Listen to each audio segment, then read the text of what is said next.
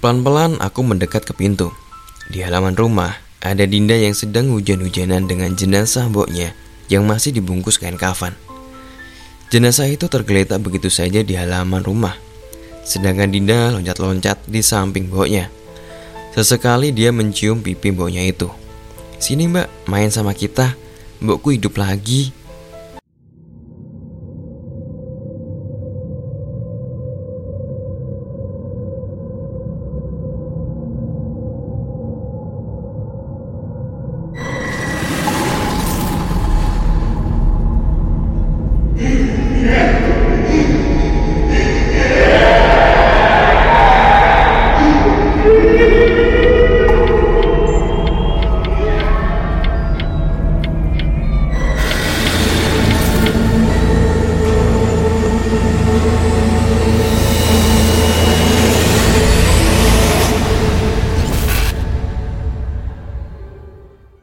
Assalamualaikum warahmatullahi wabarakatuh. Jumpa lagi di channel Kalong Cerita Setan. Apa kabar teman-teman? Semoga sehat dan banyak rezekinya. Pada kesempatan kali ini Saya mau membacakan sebuah cerita horor Tentang pengalaman seorang bidan. Tapi sebelum kita masuk ke ceritanya Bagi teman-teman yang sedang nonton tayangan ini Atau sedang mendengarkan podcast ini Jangan lupa untuk dukung terus dengan cara like, comment, share, dan subscribe. Dan untuk teman-teman yang ingin mengirimkan cerita atau pengalaman horor, bisa DM atau inbox di Instagram atau di Twitter. Linknya ada di deskripsi. Jadi seperti apa ceritanya? Mari kita simak sama-sama. Oh iya, yeah, perkenalkan dulu, aku Maya. Aku tuh seorang bidan. Setelah lulus kuliah, aku sempat kerja di klinik Sebenarnya klinik itu milik kakak iparku. Kalau kalian pernah ke Balaraja, klinik tempatku bekerja tidak jauh dari pasar Balaraja. Selama dua tahun, aku bekerja di sana. Tahun 2016, pemerintah membuka lowongan CPNS. Aku iseng-iseng ikutan daftar. Sebenarnya, aku hanya ingin tahu aja bagaimana tes CPNS itu dan tidak punya harapan tinggi bisa lolos tes. Tapi Tuhan berkata lain. Alhamdulillah, aku lolos CPNS. Lalu ditugaskan ke kampung terpencil. Nama kampungnya Mekarsari. Di sana ada puskesmas yang kekurangan tenaga bidan. Oh iya, bukan kekurangan, tapi tidak ada bidannya.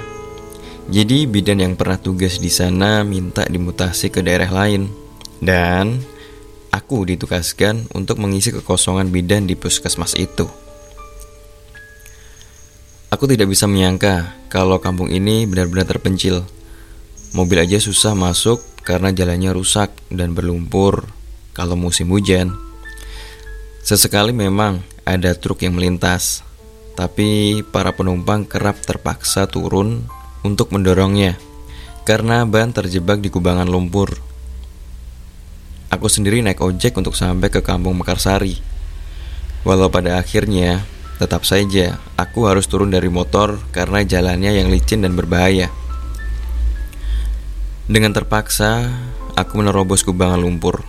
Sedangkan si bapak, si tukang ojek, dengan susah payah mendorong motornya. Saat itu, aku sempat cemas karena sudah jam 5 sore. Tapi kami masih terjebak di jalan berlumpur ini. Itu masih jauh ya pak? Tanya aku sambil menyeimbangkan badan agar tidak tergelincir.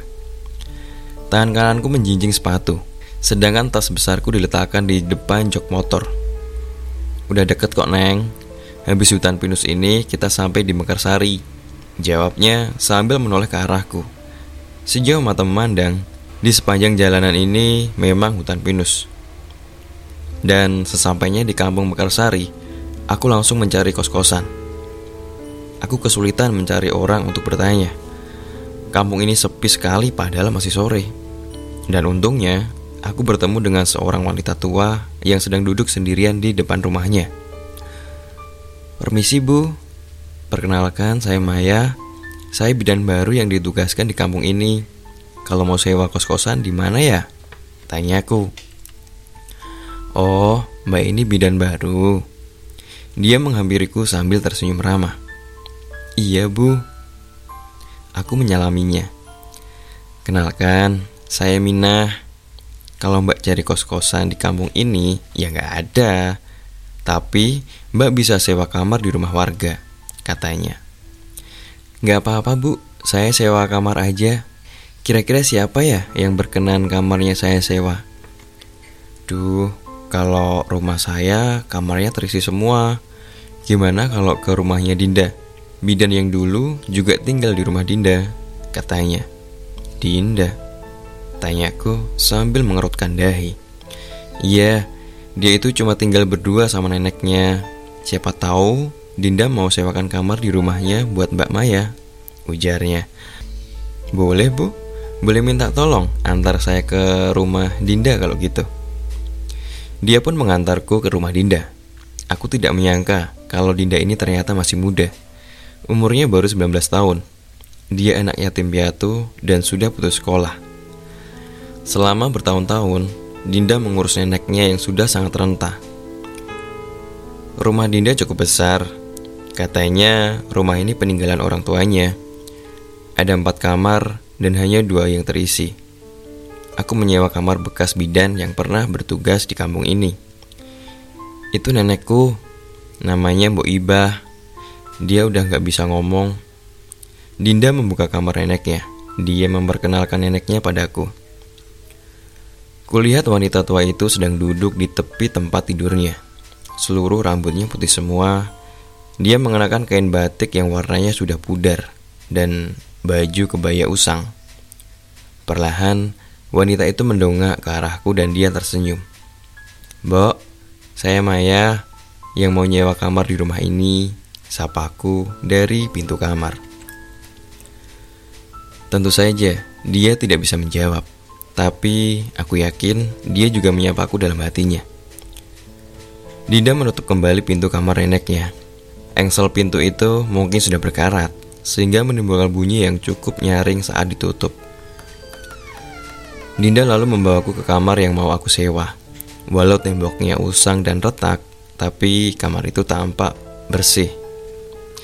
Ada ranjang besi jadul dan kasur kapuk di sana. Ada juga lemari pakaian yang dilengkapi dengan cermin besar. Ini kamarnya, Mbak.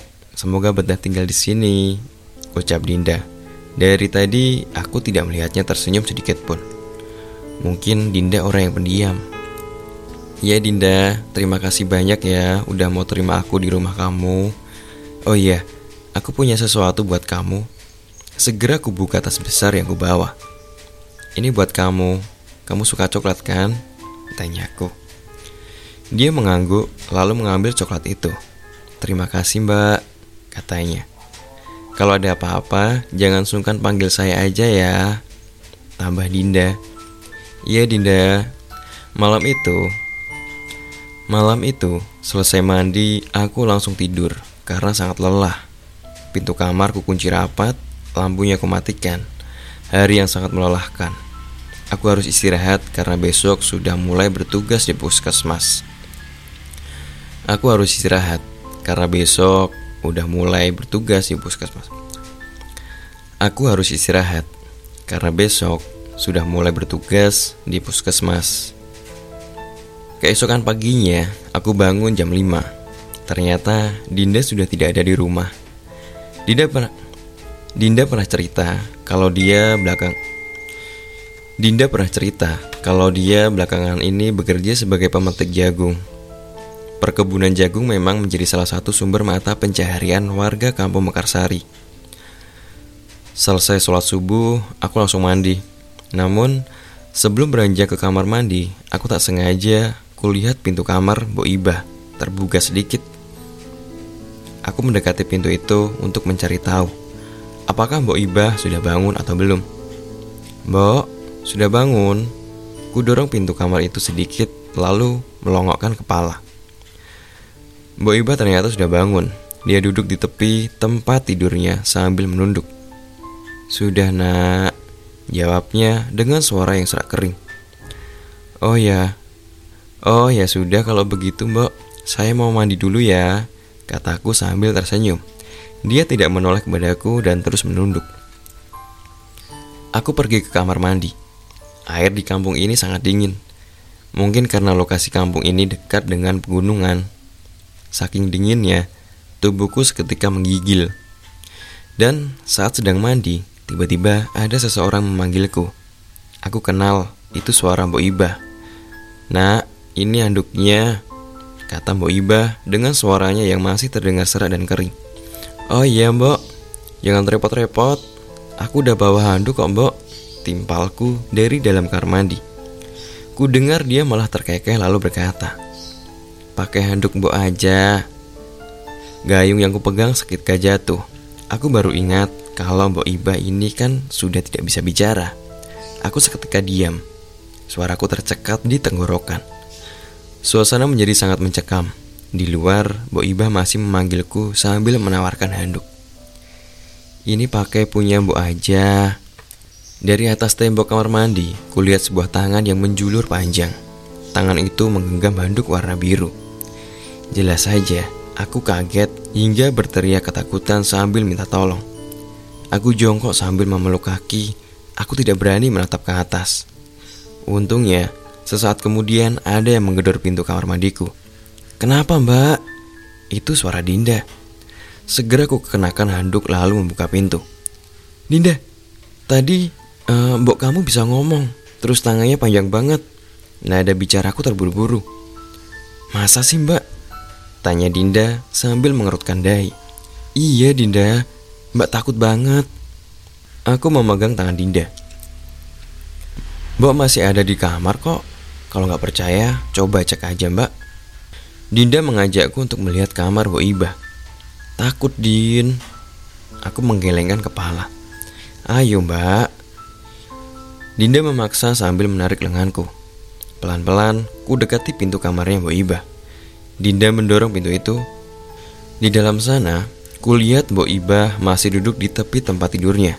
Dia menoleh ke arah kami, lalu tersenyum sambil mengangguk ramah.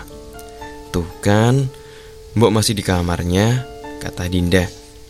Sumpah Din, Mbak dengar jelas banget kalau Mbok kamu ngomong terus tangannya panjang banget. Kayaknya mbak masih ngelindur deh, kata Dinda. Aku menggelengkan kepala. Ya sudahlah, lupakan, kataku. Aku rasa percuma bersikeras dengan orang yang tak percaya padaku. Emang kamu habis dari mana? Tanyaku sambil menjauh dari kamar Mbok Iba. Aku mengalihkan pembicaraan sambil menjauh dari kamar Mbok Iba. Aku tadi di belakang rumah mbak, habis bersih-bersih. Hari ini mbak kerja ya? Tanya Dinda. Iya Din, Mbak mau ganti pakaian dulu ya Mbak bidan kan? Sebelum masuk ke kamar, Dinda malah bertanya lagi Iya, kenapa? Di kampung ini, kalau ada yang melahirkan gak suka pakai bidan loh mbak Loh, kenapa? Masih pakai dukun ya? Aku merutkan dahi Iya, tapi di kampung ini bukan dukun namanya Tapi paraji Aku mengangguk-angguk ini merupakan tantangan baru bagiku. Aku harus memberikan penyuluhan pada masyarakat agar mereka paham tentang keselamatan saat bersalin. Pagi itu, aku dijemput oleh Pak Sukra. Dia pegawai puskesmas. Pak Sukra pasti tahu dari warga kalau aku menyewa kamar di rumahnya Dinda. Aku pun diantar ke puskesmas yang jaraknya lumayan jauh dari rumah Dinda. Mungkin sekitar 15 menit perjalanan. Jalan menuju puskesmas juga rusak parah. Aku dibonceng pakai motornya Pak Sukra. Kenapa jalanan di kampung ini rusak semua ya Pak? Ya beginilah Mbak, jarang ada pembangunan. Sekalinya dibangun, aspalnya tipis banget. Ya palingan bertahan satu atau dua tahun udah rusak lagi. Oh begitu ya Pak? Iya Mbak, paling parah kalau musim hujan banyak orang yang jatuh dari motor karena jalannya licin Mbak. Akhirnya kami tiba di puskesmas. Kalau dilihat dari depan, puskesmas itu tampak seram. Temboknya berlumut, catnya juga sudah pudar. Ada pohon beringin besar di depan gedung puskesmas itu. Kita sudah sampai mbak. Ini tempatnya, puskesmas Mekarsari, ucap Pak Sukra sambil tersenyum. Pak, itu di belakang puskesmas siapa? Tanyaku sambil menunjuk ke arah wanita yang berdiri di halaman belakang gedung. Wanita itu menatap ke arah kami. Ia mengenakan daster dan tampak seperti sedang hamil tua. Dari tempatku berdiri saat ini, aku masih bisa melihat wujud wanita itu dengan jelas. Mana mbak? Pak Sukra mencari sosok yang kutunjuk-tunjuk. Itu loh pak, kayaknya dia lagi hamil tua. Aku masih melihat sosok itu. Anehnya, Pak Sukra tidak melihatnya. Padahal jelas-jelas wanita itu masih berdiri di halaman belakang puskesmas sambil menatap kami. Siapa wanita itu? Saat aku dan Pak Sukra menghampiri wanita itu, kulihat dia lari begitu saja dan masuk ke semak-semak. Namun, sekali lagi, Pak Sukra sama sekali tidak dapat melihat keberadaan wanita itu. Aku tidak habis pikir, kenapa banyak sekali keanehan yang kualami hari ini. Saran saya, Jangan melamun, Mbak. Demit mudah mengelabui kita kalau kita sedang melamun. Begitu kata Pak Sukra. Iya, Pak. Aku mengangguk. Kami pun masuk ke puskesmas. Sesekali aku masih menoleh ke belakang, mencari keberadaan si wanita hamil. Hari pertama kerja sangat membosankan. Aku hampir tidak mengerjakan apa-apa yang berobat sepi, apalagi yang bersalin atau konsultasi kehamilan sama sekali tidak ada. Petugas di sini kebanyakan makan gaji buta. Tumpukan obat dibiarkan kadaluarsa, lalu dibuang dan diganti dengan yang baru. Nasib obat yang baru pun pasti sama, ujung-ujungnya dibuang juga. Jarang sekali ada yang berobat di puskesmas ini. Mereka lebih suka pakai jampe dibanding obat. Dinda memang benar, warga di kampung ini tidak percaya sama bidan. Mereka lebih suka pergi ke dukun atau paraji ketimbang minta bantuan bidan. Aku tidak bisa membayangkan selama bertahun-tahun makan gaji buta di sini. Sore itu semua petugas puskesmas sudah pulang. Pak Sukra memberikan kunci puskesmas kepada aku. Kebetulan ada hal yang mau aku kerjakan. Aku akan menyusun rancangan penyuluhan terhadap masyarakat tentang pentingnya keselamatan saat bersalin. Lebih dari itu, jujur saja, aku masih trauma kalau harus pulang ke rumah Dinda. Ada yang tak beres sama mboknya.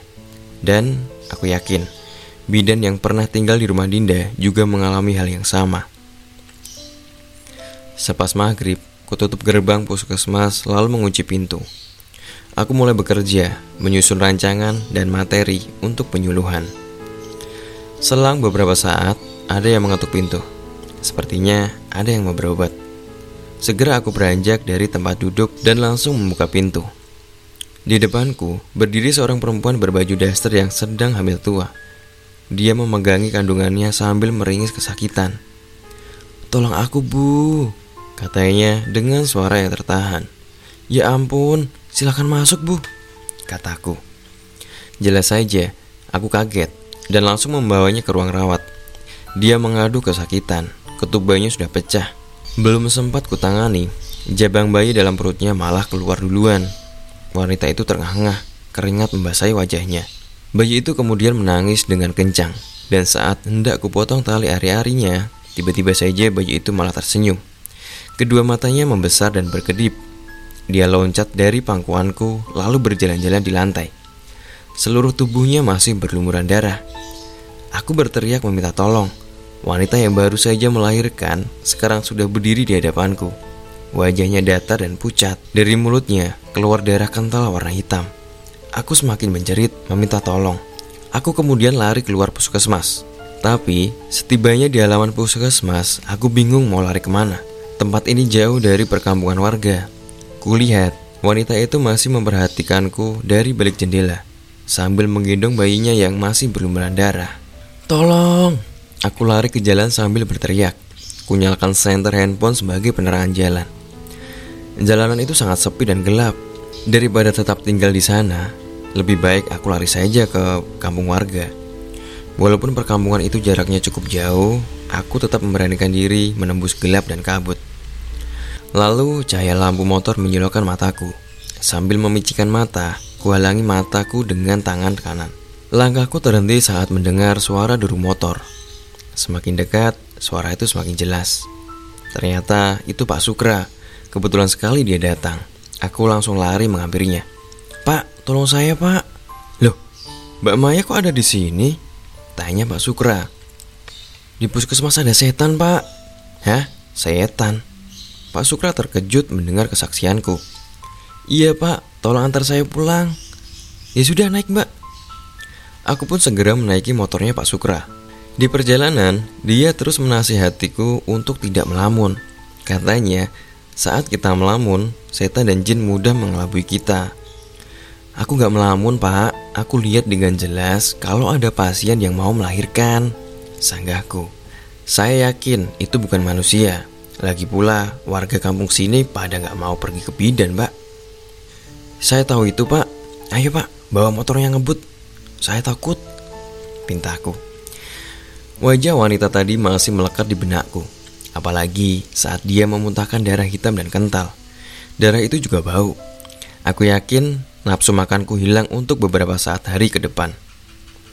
Tadinya, saya mau anterin makanan buat Mbak Maya. Kebetulan istri saya masak banyak. Pak Sukra memperlambat kembali laju motornya karena sudah memasuki perkampungan warga. Terima kasih banyak ya Pak. Untung saja ketemu Bapak. Kataku, akhirnya aku bisa bernapas lega. Tak lama kemudian, kami tiba di depan rumah Dinda. Kulihat Dinda sedang berdiri di depan pintu. Dia ternyata menungguku pulang. Aku tidak sempat memberitahunya kalau aku menginap di puskesmas. Mampir dulu aja pak, kataku pada Pak Sukra. Oh, terima kasih mbak. Istri saya udah nungguin di rumah. Ini makanannya mbak, ambil aja. Pak Sukra menyodorkan rantang yang dibungkus plastik hitam. Sekali lagi terima kasih banyak ya pak. Jadi ngerepotin terus. Ku ambil rantang itu. Iya nggak apa-apa mbak. Dimakan ya. Itu masakan istri saya pasti enak.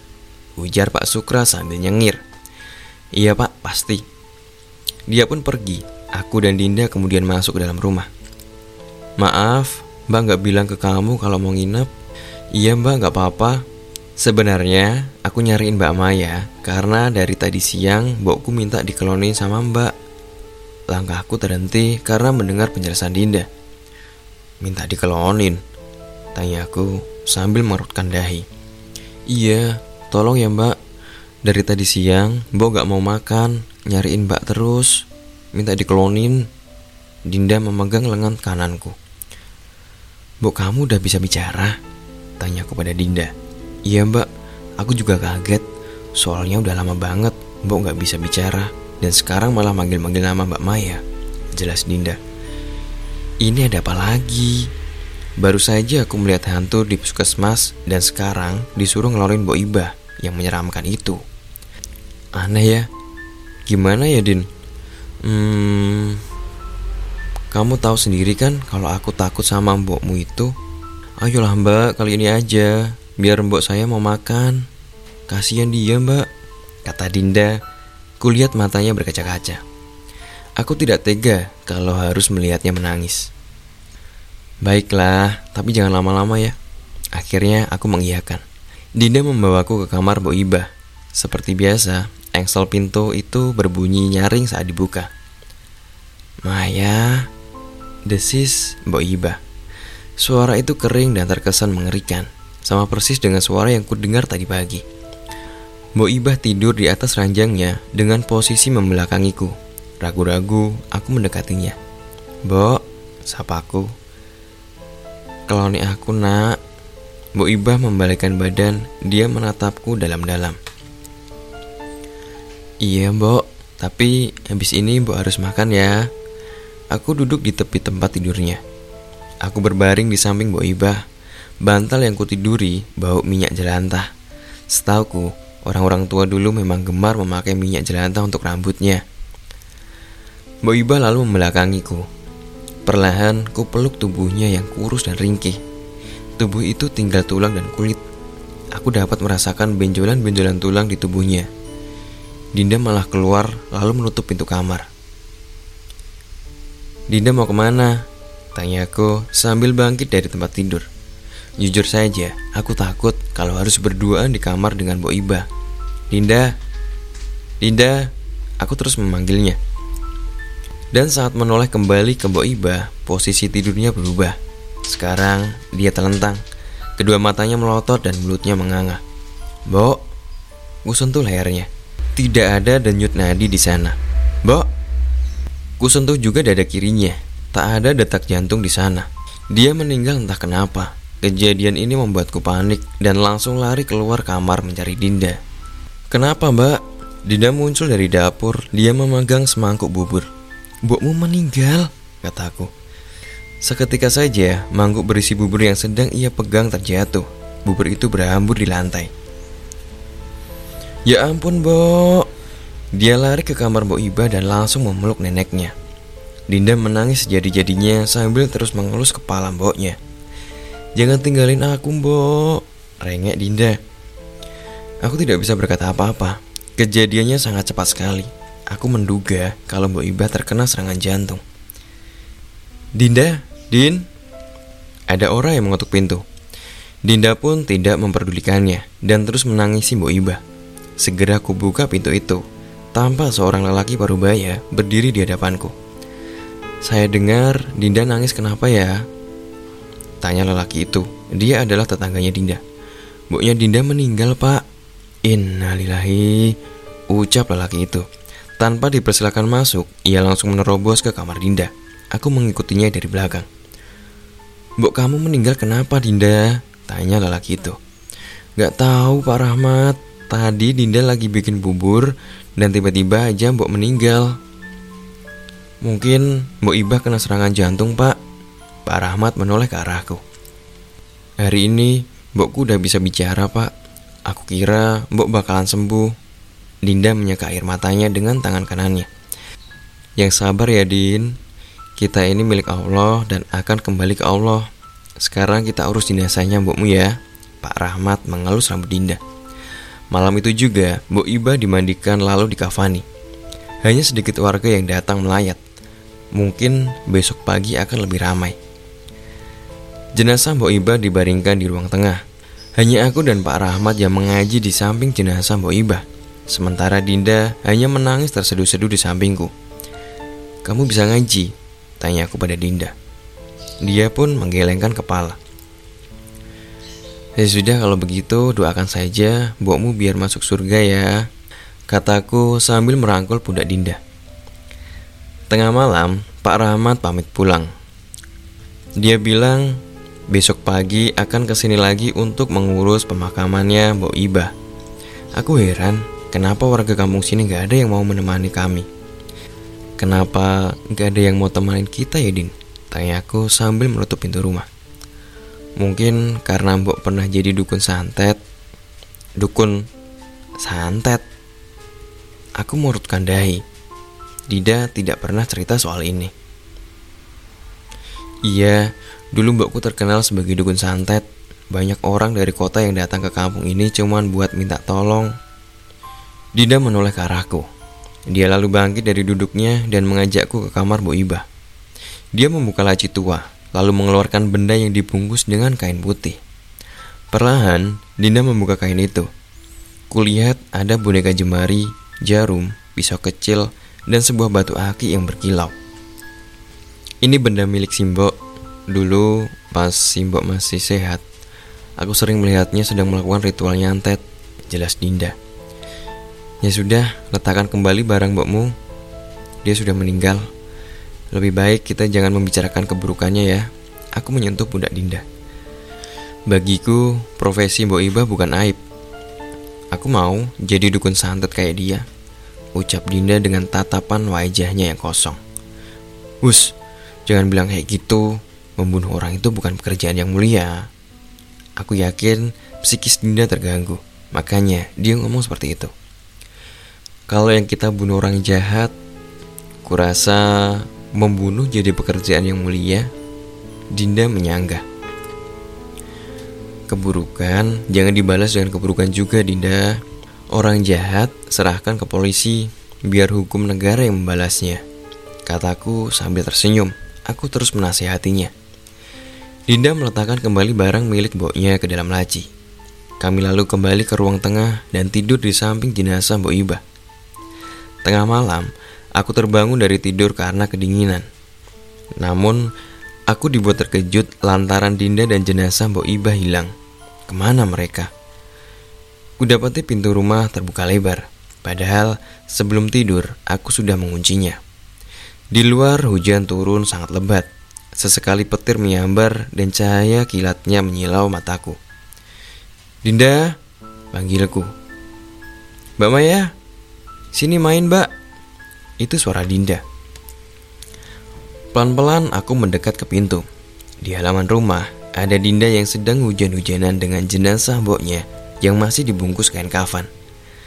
Jenazah itu tergeletak begitu saja di halaman rumah Sedangkan Dinda loncat-loncat di samping mboknya. Sesekali dia mencium pipi mboknya itu. Sini mbak, main sama kita. Mbokku hidup lagi. Kamu apa-apaan, Din? Mbokmu sudah meninggal. Hargai mbokmu. Aku meneriakinya. Mbokku hidup lagi kok. Dinda lari-lari kecil, mengelilingi jenazah mboknya. Dinda, mbak bilang hargai mbokmu. Aku menerobos hujan yang kian lebat, menghampiri Dinda. Kain kafan Bu Iba basah kuyup dan kotor. Astagfirullah. Dinda, apa-apaan kamu? Sadar Dinda, sadar. Ku pegang erat kedua tangannya agar dia mau diam. Lepasin, Mbak. Ih. Dia berontak. Ada apa ini? Pak Rahmat muncul dengan membawa payung. Kenapa jenazah Bu Iba ada di sini? Pak Rahmat terkejut melihat jenazah itu. Dia langsung membopong jenazah Mbok Ibah dan membawanya masuk ke dalam rumah. Dinda susah sekali dikendalikan. Dia malah menangis sambil memanggil-manggil mboknya. Pak Rahmat kembali tanpa menggunakan payung. Dia langsung memangku paksa si Dinda yang masih mengamuk. Istighfar Dinda, bentak Pak Rahmat. Aku basah kuyup, Pak Rahmat membawa Dinda masuk ke dalam rumah. Dia membisikkan ayat-ayat suci di telinga Dinda Sementara aku masih syok melihat tingkah Dinda yang tiba-tiba aneh seperti itu. Aku menoleh ke jenazah, kain kafannya harus diganti. Setelah dibacakan ayat suci, akhirnya Dinda melunak. Tatapan matanya kosong, dia tampak kelelahan. Setelah itu, aku mendengar suara ledakan kecil dari dapur. Buru-buru kuhampiri suara itu. Makanan pemberian Pak Sukra acak-acakan di lantai. Entah apa yang terjadi, kenapa bisa begitu? Ada apa mbak? Tanya Pak Rahmat. Gak tahu pak, tadi ada ledakan, terus makanan pemberian Pak Rahmat tumpah gitu aja. Kayaknya tumpah sama kucing, ucap Pak Rahmat. Iya kali pak. Aku langsung membersihkan makanan yang berserak di lantai. Nanti pagi kita ganti kain kafan Bu Ibah karena sudah kotor, kata Pak Rahmat. Iya pak, udah kotor banget kain kafannya. Keesokan paginya, Jenazah Mbok Ibah dikuburkan. Tidak banyak warga yang membantu pemakaman itu. Dinda masih menangis meratapi mboknya. Kedua matanya sembab, aku berkali-kali menasihati agar tetap tabah. Setelah pemakaman selesai, aku langsung berangkat ke puskesmas. Jujur saja, sebenarnya aku masih syok dengan kejadian semalam. Tapi aku harus tetap bertugas dan kali ini aku akan pulang tepat waktu. Seperti biasa, puskesmas sepi. Para pegawai di sana kerjanya hanya main handphone dan ngobrol. Sedangkan aku mengerjakan kembali rancangan untuk penyuluhan. Selamat pagi Mbak Maya. Sapa Pak Sukra. Pagi Pak. Saya dengar buahnya Dinda meninggal ya. Dia duduk di sampingku. Iya Pak semalam dan sudah dimakamkan, kataku sambil menoleh kepadanya.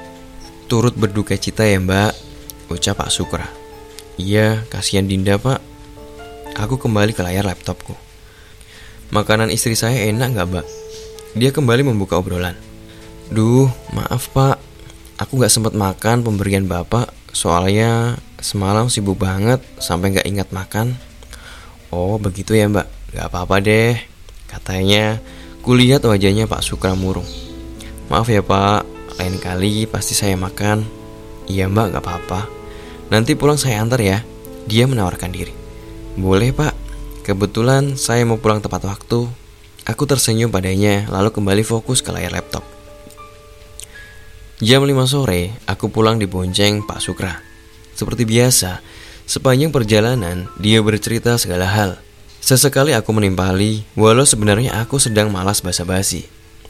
Dan akhirnya, aku tiba di depan rumah Dinda. Pak Sukra langsung pamit.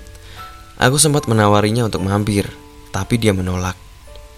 Setelah kematian Bu Iba, rumah Dinda semakin hening saja. Aku sempat merinding saat masuk ke rumah itu.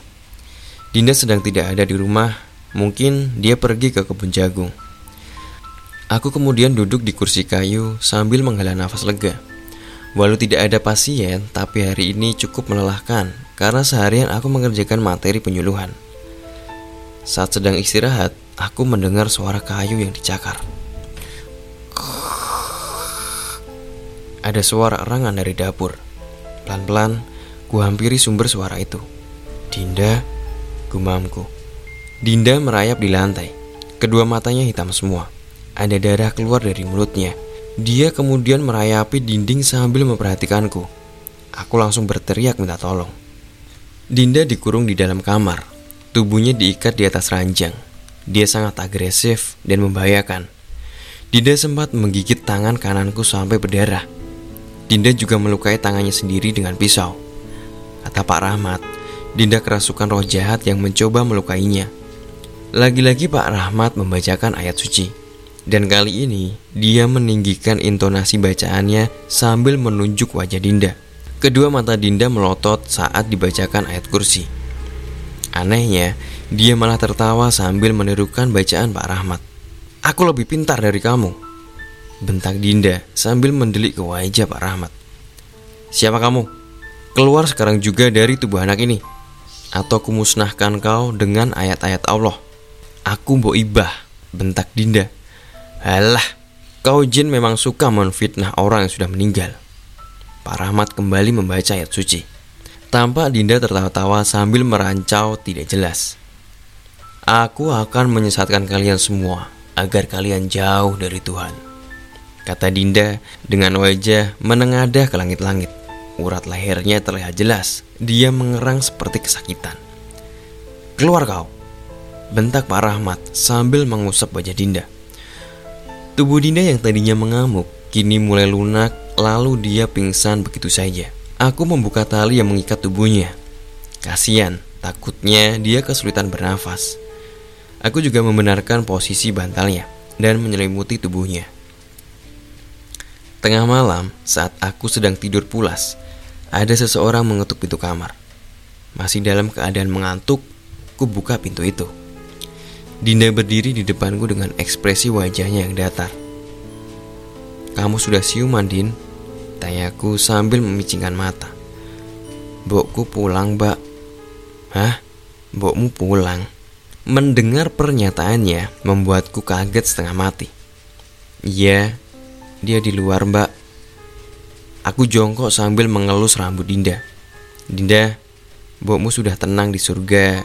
Dia nggak akan Aku belum sempat menyelesaikan ucapanku.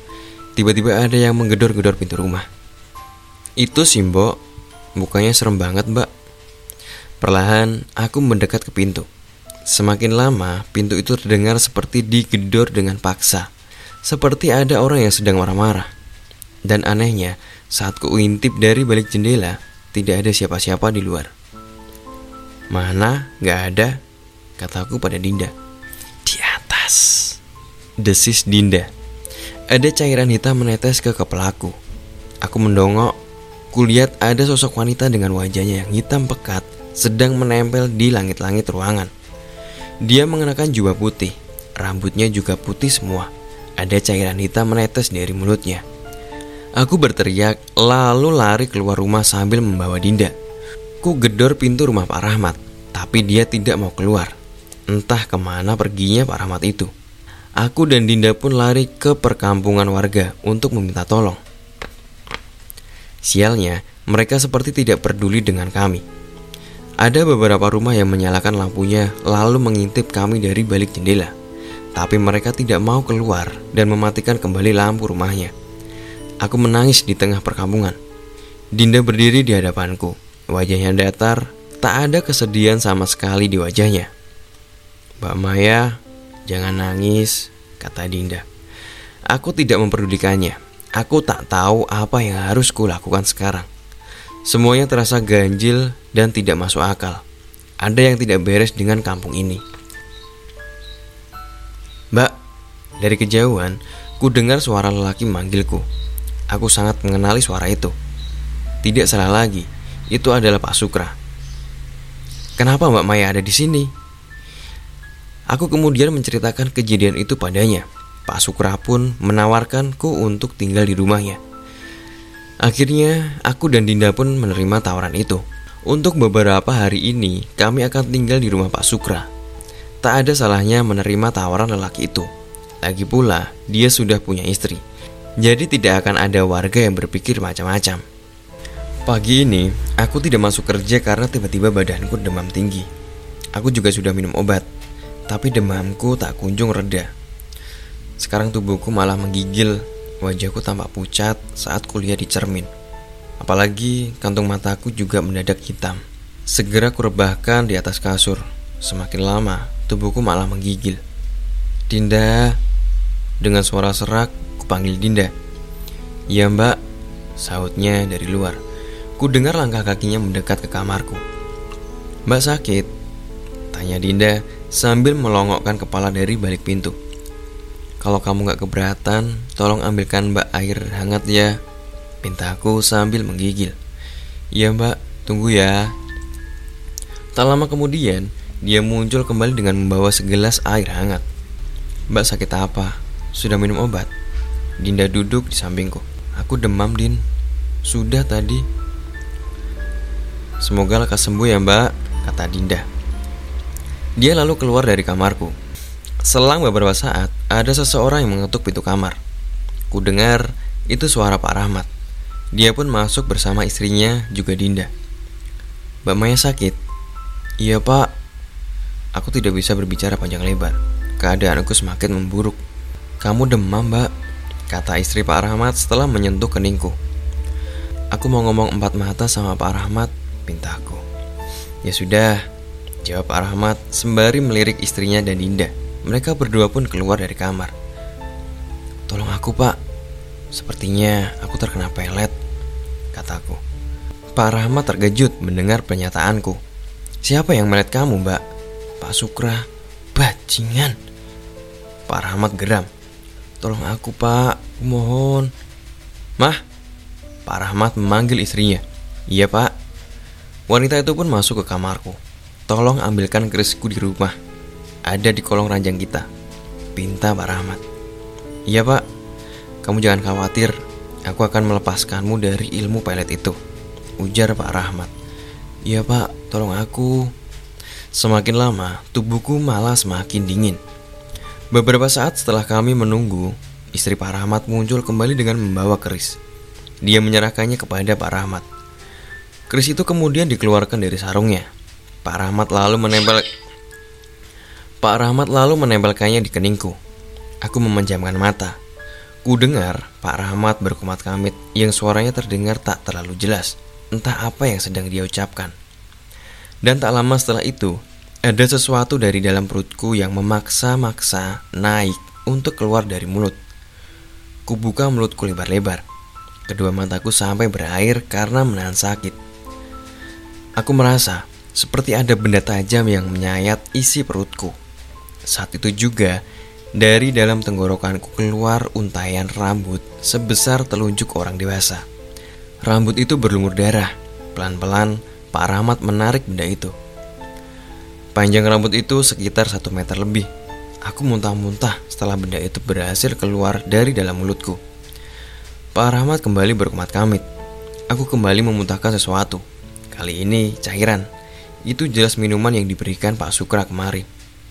Kamu benar-benar terkena pelet si Sukra.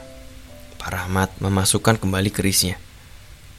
Aku mau pulang saja, Pak. Kataku sambil menyeka bercak darah di bibir. Kapan? Tanyanya lagi.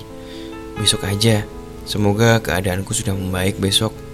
Ya, kalau Mbak Maya pulang, aku sendirian dong. Gerutu Dinda. Kamu gak sendirian kok, kan ada keluarga Pak Rahmat, ujarku. Tak lama kemudian, ada seseorang yang mengetuk pintu. Mbak Maya, itu suara Pak Sukra. Mau apa dia? Pak Sukra muncul. Dia membawa buah-buahan untukku. Mbak Maya sakit ya? Sapa Pak Sukra sambil tersenyum. Jangan mendekat, teriakku sambil melemparkan gelas ke wajahnya. Ada apa ini? Pak Sukra kaget karena tiba-tiba aku marah kepadanya. Jangan pura-pura bodoh, Sukra. Aku tahu perbuatanmu ini. Kini Pak Rahmat membelaku. Maksud kalian apa? Tanya Pak Sukra. Kau pelet Mbak Maya kan? Lanjut Pak Rahmat. Hei, kau Rahmat, Ustadz Gadungan, jangan fitnah orang sembarangan ya. Mereka berdua terlibat adu mulut hingga menimbulkan kegaduhan. Saat itu juga, Dinda berteriak sangat keras. Ia mengibaskan tangan kanannya dan seketika Pak Rahmat dan Pak Sukra terpental. Ada yang merasuki Dinda lagi. Sejak kematian Boknya, aku tahu kalau ada yang selalu mengawasi Dinda. Pak Rahmat kemudian meraih kerisnya. Dia kembali berkomat kamit sambil mengarahkan keris itu pada Dinda. Namun, tampaknya Dinda masih melakukan perlawanan. Bahkan suara Dinda berubah menjadi mirip sekali dengan suara Boknya.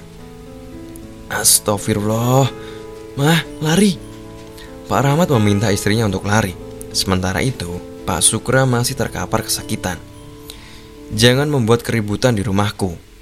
Sekali lagi, Dinda mengibaskan lengannya, membuat Pak Rahmat terpental kembali. Keris yang tergeletak di lantai tiba-tiba melayang. Dinda yang mengendalikannya. Ia hendak melesatkan keris itu kepada Pak Rahmat. Dinda, jangan! Teriakku Keris itu melesat ke arah Pak Rahmat dan untungnya masih dapat dihindari. Pada saat genting seperti itu, Pak Sukra malah kabur. Dia ketakutan melihat Dinda yang kesurupan. Wahai iblis, keluarlah dari tubuh anak ini, bentak Pak Rahmat. Lalu ia berkemat kamit. Dinda tersenyum dingin. Dia mengangkat kedua tangannya. Seketika, semua benda di ruangan itu melayang. Dengan kekuatan gaibnya, Dinda melesatkan benda-benda itu ke tubuh Pak Rahmat. Dia pun terjungkal, kepalanya berdarah terkena benda tumpul. Dinda, cukup! Bentakku. Dinda menoleh ke arahku. Kedua bola matanya hitam pekat. Dia lalu berteriak sangat kencang, membuat telingaku berdengung. Pak Rahmat kemudian bangkit kembali. Dia merogoh sesuatu dari kantong celananya. Itu sebuah jimat yang terbuat dari kayu. Ia melemparkan jimat itu pada Dinda. Saat itu juga, Dinda terkapar tak sadarkan diri. Pak Rahmat kemudian menyentuh kening Dinda sambil terus bergumam. Entah apa yang dibacanya. Lalu terdengar sebuah benda yang bergetar di kamar Bu Ibah. Pak Rahmat pun pergi menghampiri sumber suara itu. Aku tidak tahu apa yang dia lakukan di dalam kamar Bu Ibah. Tubuhku masih lemas dan sulit digerakkan. Sesaat kemudian, Pak Rahmat muncul kembali dengan membawa sesuatu di tangannya. Mungkin iblis di dalam benda ini yang membuat Dinda menderita. Ujar Pak Rahmat sambil menunjukkan benda itu padaku. Aku akan membakarnya, sambung Pak Rahmat. Keesokan paginya, kondisiku sudah pulih. Pagi itu juga, aku memutuskan untuk pulang. Pak Rahmat memesankan ojek untukku. Sedangkan Dinda tampak sedih. Aku sebenarnya tidak tega meninggalkannya sendirian. Namun, Keputusanku sudah bulat. Aku mau minta mutasi dan menjelaskan semua yang kualami di kampung ini. Sekitar jam 8 pagi, aku dan tukang ojek yang aku sendiri tidak tahu siapa namanya masih terjebak di jalan yang rusak dan berlumpur.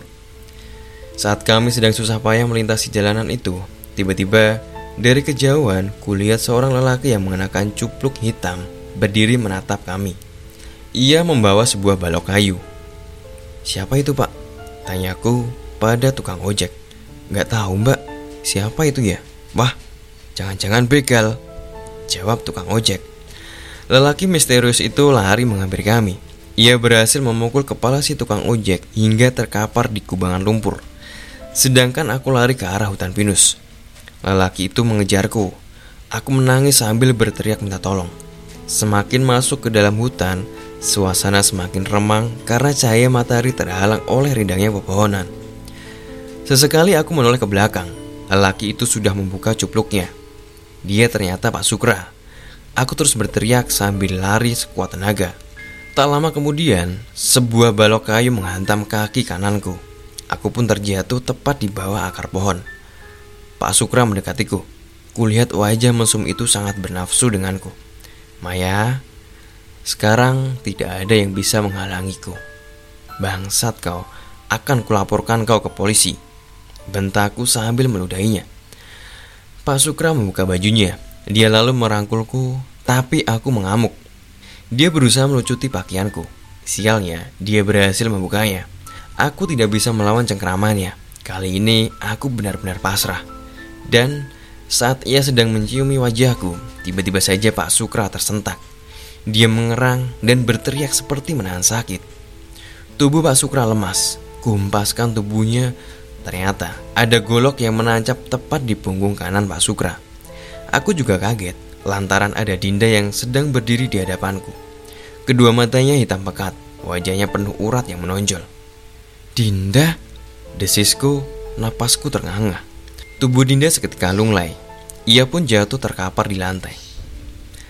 Sepulangnya dari kampung, aku tes keperawanan dan hasilnya masih utuh. Pak Sukra tidak sempat menyetubuhiku malam itu. Aku yakin pasti Dinda juga yang menyelamatkanku. Bertahun-tahun lamanya, aku tidak mengunjungi kampung itu lagi. Entah seperti apa Dinda sekarang.